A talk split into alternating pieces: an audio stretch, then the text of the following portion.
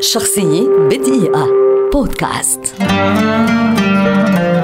محمد مشالي طبيب مصري ولد عام 1944 ويعد واحدا من أشهر الأطباء المصريين والعرب إذ عرف بحسه الإنساني لدرجة أنه لقب بطبيب الغلابة. تخرج من كلية الطب في القاهرة عام 1967 وتخصص في الأمراض الباطنية وأمراض الأطفال والحميات ليعمل في عدد من المراكز والوحدات الطبية بالأرياف التابعة لوزارة الصحة المصرية في محافظات مختلفة.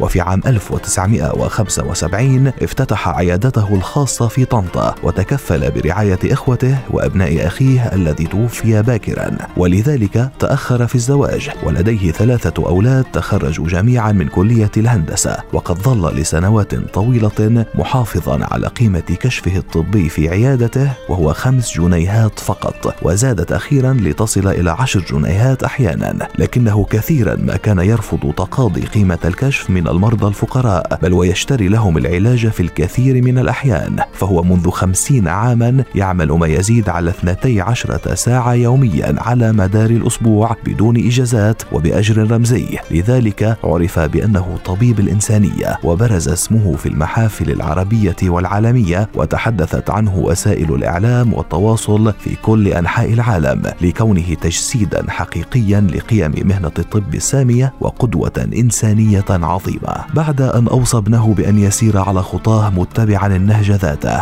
رحل طبيب الغلابة محمد مشالي صباح أمس الثامن والعشرين من يوليو 2020 وتقديرا لجهوده أطلقت محافظة الغربية اسمه على أحد الشوارع في طنطا. وقد نعاه صاحب السمو الشيخ محمد بن راشد آل مكتوم حاكم دبي رعاه الله قائلا الدكتور محمد المشالي من جمهورية مصر الحبيبة صانع أمل من نوع مختلف خمسون عاما من حياته لأجل علاج الفقراء نموذج للأطباء وقدوة للعظماء رحمه الله وأسكنه الفردوس الأعلى من جنته في مقعد صدق عند مليك مقتدر.